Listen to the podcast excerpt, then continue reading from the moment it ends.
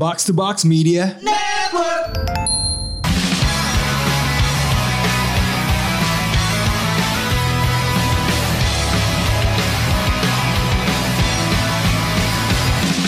Konnichiwa. Konbanwa. Kontoru. Yo Jacinggu. Kembali lagi di satu SKS bareng PN Media Bagian dari Otaku Box Podcast Jepangan paling fafifu was was was Di Indonesia. Hari ini kita mau bahas apa Bung Fikri? Hari ini karena kebetulan besok ada demonstrasi ya katanya ya Yoi. Demonstrasi dari mahasiswa-mahasiswa terkait isu penundaan pemilu, isu menambah jabatan tiga periode dan juga isu kenaikan harga Nah itu yang paling penting bahan bakar Iya. dan juga kenaikan bahan pokok kehidupan kita. Iya Jadi katanya tanggal 11 April hari ini berarti tayang ya kan? Hari ini. Eh, berarti pas podcast ini tayang bakal ada demo katanya tanggal 11 April. Iya Eh, dan sekarang kebetulan kita mau bahas yang juga agak demo-demo juga, gerakan-gerakan juga. Ya. Tapi kita nggak membahas yang ada di nyata. Kita ini pengen ngebahas eh, gerakan revolusi, tapi yang terjadi di dalam animanga. Yo Gerakan rame-rame Tapi yang terjadi di Animanga gerakan yang membuat sebuah perubahan tetapi yang ada di animanga. Kalau kita ngomongin yang namanya gerakan perubahan gitu ya. Anim animanga ini kan ya sebagai bentuk sarana refleksi realitas ya. Yang nggak cuma sebatas hiburan bahwa kita bisa melihat banyak banget nih anime atau manga yang menceritakan terkait gerakan-gerakan revolusi, gerakan-gerakan Iya. perubahan gitu ya ah, mungkin kalau kita ngelihat ya anime-anime konvensional kayak Naruto, One Piece juga ada gitu ya. Terus Ada, juga ada. ada, Code Geass, Pergi ada apa lagi? Attack on Titan Attack on Titan juga. Pastinya. Spirited Away dari Ghibli juga itu gerakan revolusi Iya. Marxis juga kalau misalnya kita mau telah lebih lanjut gitu ya. Eh, ada tulisannya di PN Media eh, salah satu tulisan gue eh, terkait Spirited Away gue ngebahas bagaimana pemikiran Marxisme di dalam anime itu mungkin teman-teman nanti bisa scroll baca tapi sekarang kita akan membahas tapi sebelumnya gue mau menanyakan ke lu lang kira-kira menurut lu gerakan revolusi itu dalam maksud yang sederhana itu apa sih Oke, gerakan revolusi ini kalau kita definisiin ya kan secara umum adalah sebuah gerakan yang merubah sistem tatanan secara politik ekonomi gitu kan. oh gitu. Tapi secara radikal, secara kasar gitu. Ya kadang ada tindakan-tindakan represif gitu, pasti ada gesekan Iya. secara fisik gitu, Ya, kalau- revolusi. ya kalau dari revolusi itu artinya ingin mengubah sebuah tatanan yang lampau Yang lampau. menjadi tatanan yang baru yang dikuasai oleh mereka yang Hmm. melakukan gerakan itu gitu ya Betul. Dan itu terjadi secara cepat maksudnya. Kan kalau evolusi kan melambai kan, Iya. soft dia, makanya lama ada Iya. waktunya. Kalau revolusi sih cepat, Revolusi itu gerakan yang tiba-tiba tiba-tiba. tapi membuat sebuah hal yang besar gitu ya. Nah, berdampak sangat besar. Dan apa anime yang ada di pikiran lu gitu? Apa yang yang mewakilkan gerakan revolusi itu terjadi Kalau dalam anime? kalau dari beberapa anime yang gue tonton sih eh, seperti biasa gitu dari One Piece dan Naruto pun ada tapi gue yang paling ngena di dalam hati gue itu adalah gerakan Attack on Titan Oh iya iya. itu itu secara eksplisit diperlihatkan oleh Kapten Edward eh sebenarnya Kapten Erwin Smith. Erwin Edward udah lama banget Edward the. Teach. Iya, Ah, Edward ya. the Teach dong.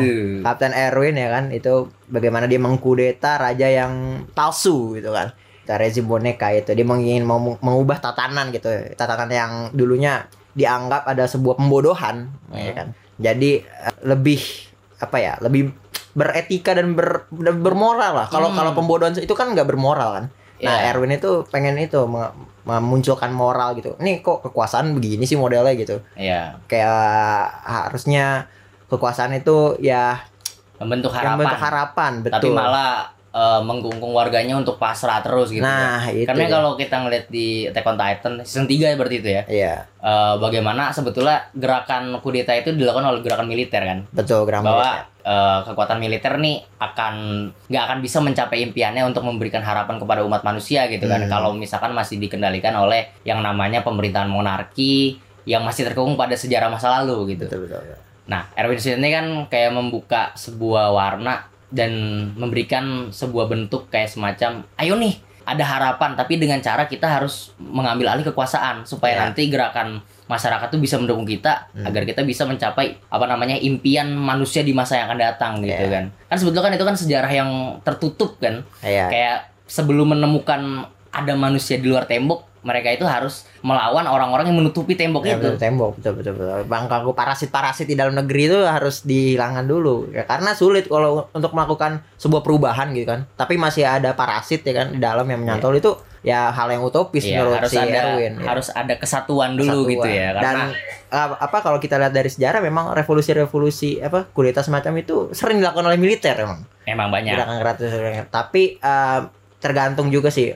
Kan kalau kita mungkin karena di negara Indonesia gitu kan sudah tidak ada dui fungsi gitu. Kita takut Hmm. dengan kepemimpinan militer dulu kan. Ya jadi ya Iya, jadi sulit kita secara militer untuk Iya. melakukan kudeta karena Sulit. panglima TNI Iya. dipilih presiden. ya karena kita Jadi- punya pengalaman juga, Iya. pengalaman juga. Tapi menariknya kalau lo Attack on Titan, kalau gua sebetulnya terpikirnya Orochimaru.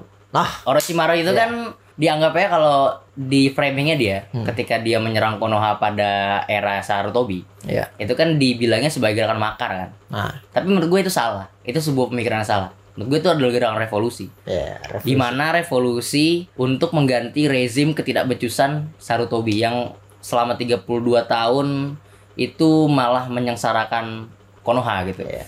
Dan pada masa itu juga rakyat Konoha yang sudah merasa apa ya ter tertipu yang yang juga dia sudah ter- terpengaruh oleh pesona-pesona yang dibawa Sarutobi Ya, akhirnya terina bobokan dengan gaya kepemimpinan dia gitu. Padahal yang sangat bobrok sekali kita lihat dosa-dosanya. Seperti pemberontakan Uchiha. pemeran UCH Terus ya. juga terbunuhnya seluruh klan Uchiha itu kan terjadi karena ketidakbejusan dia untuk membuat rekonsiliasi gitu Iya. kan. Terus juga harta Minato yang hilang ke mana itu. Ya, tuh. Lalu juga apa namanya eh, kekalahan perang dan segala macem Dan- gitu kan. Uniknya tuh di Naruto mungkin kan tadi gua bilang eh, gerakan kudeta itu atau revolusi kebanyakan dilakukan oleh militer kan. Nah, Ya. di Naruto ini yang di- melakukan gerakan kudeta itu akademisi. Akademisi. Ah, ini dia nah, menarik. ini dia menarik. Nah, ini Orochimaru itu memang sebetulnya hanyalah seorang akademisi gitu Iya, kan. akademisi. Akademisi. yang mana ya dia sadar nih, dia mempunyai kesadaran yang lebih daripada warga Konoha bahwa nih sebenarnya lu ditipu gitu sama rezim ini. Iya. Akhirnya dia dengan segala macam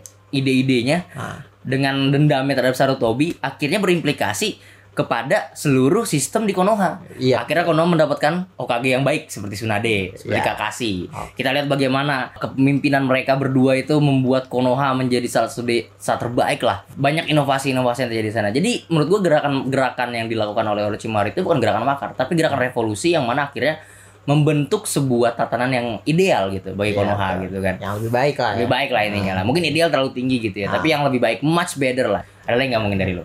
Gue sih ngelihatnya ya kalau gerakan militer memang dia terbawa emosi-emosi karena eh Tapi dari backgroundnya kan ada ada apa ya? Kalau militer tuh kan tentang nasionalisme bagaimana apa negara harus Iya. berjalan Tapi ada juga gerakan revolusi yang dilakukan oleh masyarakat sipil. iya enggak nih makanya gue mau ke situ. Iya, nah gerakan masyarakat sipil itu hebatnya mungkin karena di akademisi juga kan masyarakat sipil Hmm. dia punya sense of crisis yang lebih rasional di jam apa sih yang lebih cocok sistem di zamannya itu seperti apa gitu kan Ya. akademisi itu selalu selalu dingin Ya karena kalau itu. mungkin kalau kudeta yang dilakukan militer itu sudah pasti jelas kepemimpinan Betul, tinggi adalah kepemimpinan militer gitu Iya. kan militeristik. Tapi kalau kepemimpinan, sipil kan kita bisa memilih pemimpin kita, memilih Betul. sistem kita gitu kan. Contohnya mungkin kayak apa ya? Mungkin Alabasta itu termasuk nggak sih di One Piece? Alabasta Kan itu kan gerakan sipil juga kan revolusi. Gerakan Cuman sipil. cuman itu kan apa di ibaratnya di dipermainkan lah. Iya. Ada ada yang memainkan itu, ada Arab Spring. kingmakernya. Arab Spring. Tapi apa kira-kira gerakan sipil yang ada di Animanga mungkin gerakan revolusi yang dilakukan sipil? kalau gerakan eh, Gerakan revolusi yang dilakukan oleh orang sipil di sipil tuh biasanya dicap civic pasti dicap negatif gitu kalau nggak terorisme radikalisme gitu kan Iya. impactnya begitu tuh ya kayak contohnya kayak kode gis gitu kan Hmm. gerakan yang dilakukan oleh Lulots gitu yang Z apa pasukannya dia tuh Kroko Kisidan Kisidan. nah ya itu kan dicap sebagai gerakan teroris padahal dia sendiri tadinya bilang gue tuh bukan gerakan yang membela Jepang ataupun Inggris Hmm. gue tuh yang membela yang siapa yang lemah gitu kan Iya. tapi ya kekuasaan ya kan Ya ini Kalau ini kan sebenarnya kan mas, maksud dari gerakan revolusi itu perspektifnya seperti apa itu menurut gua tergantung bagaimana kedua belah pihak yang berseteru menginterpretasikannya gitu kan. iya betul Yang namanya sesuatu suatu kekuasaan yang di yang ingin dikudeta atau yang ingin dihancurkan gitu ya. Hmm. Pasti menganggap mereka kelompok yang ingin merevolusi, ingin mengkudeta adalah bentuk dari pelanggaran kedaulatan. Hmm. Otomatis yang melanggar kedaulatan akan disebut sebagai terorisme Iya. karena itu melanggar kedaulatan gitu kan. Tapi Nah. kan di sisi lain Ah, masyarakat sipil ini kan yang melakukan gerakan revolusi punya interpretasi sendiri ya sebagai bentuk penegakan keadilan, ya kalau mereka justice, ya, kalau ya kan? mereka- kesetaraan, Hmm. ingin membuat sebuah sistem yang baru yang baik. Nah, ini kan tergantung sebetulnya bagaimana kita memandang segala sesuatu dari sisi rasionalitasnya seperti apa gitu kan.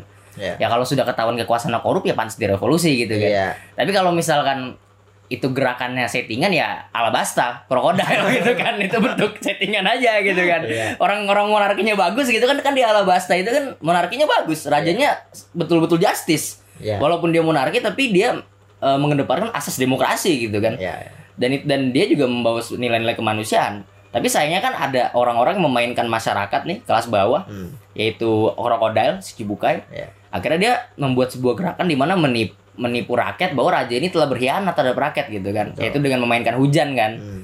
hujan di Alabasta itu pindah ke Alubarna semua ke ibu Iya. kota dari kerajaan ya kan ya betul, betul. ya otomatis itu kan kayak ada dua ya gerakan seperti itulah perspektif ya jadi menurut gue ya tergantung perspektif bertanya, kalau lu kalau lu dalam dalam sebuah masa yang sedang melakukan revolusi lu pasti menganggap kekuasaan itu adalah sebuah hal yang harus dihancurkan Hmm. karena lu karena lu melakukan penegakan keadilan gitu kan Ya. tapi seandainya lu berada di sisi pemerintah yang mana lu sedang berada dalam keadaan ingin dikudeta Hmm. lu akan menganggap yang mengkudeta lu sebagai seorang terorisme Nah, atau iya. mungkin ya pelanggar kedaulatan Nah, ya, tapi kan kalau itu kan kita kita membicarakan itu posisi orang-orang yang tahu kan. Iya. Posisi orang-orang yang emang punya power gitu. Iya. Nah, tapi gimana nih kalau gerakan-gerakan eh, warga sipil gitu yang nggak punya power gitu kan? Ya pasti mereka itu terpolarisasi. ya itu sudah Kita kalau nggak ikut yang A, yang B gitu itu kan. sudah keniscayaan gitu kan. Nah, iya. masalahnya kan revolusi harus dilakukan Secara bersama. secara bersama gitu Ah, kan. ah, itu. Jadi jawabannya ada di mereka Nah iya, revolusi. makanya seenggaknya at least ya lu punya pengetahuan lah gitu kan tentang Iya. lu mau ikut siapa, apa karena alasannya apa gitu kan. Iya. Kalau udah jelas-jelas korup ya udah lu ikut Iya. yang revolusi kalau Tapi kalau belum ya udah nggak Iya. masalah juga gitu Iya, kan. itulah Yang- pen- pentingnya sebenarnya ya kita mencari tahu Iya, sebenarnya. pentingnya informasi ya. Informasi gitu. Dan juga ya tentunya nggak semuanya harus diselesaikan dengan revolusi gitu kan. Betul. Nggak semuanya harus. Nggak semua harus diselesaikan revolusi, kita bisa duduk bersama. Ada yang namanya kalimatun sawa kalau Iya. dalam Islam titik temu. Jadi ya kita bisa berbicara, bisa ber- bisa bermusyawarah lah. Betul. kira-kira mencari eh, jalan keluarnya apa, solusinya apa. Karena yang namanya masalah itu pasti bakal ada solusinya gitu kan. Iya, tapi kalau udah sudah urusan bahan pokok gitu kan. Terus udah gitu konstitusi juga sudah mau dihianati, apakah ada kalimat sawah? Kita nantikan saja.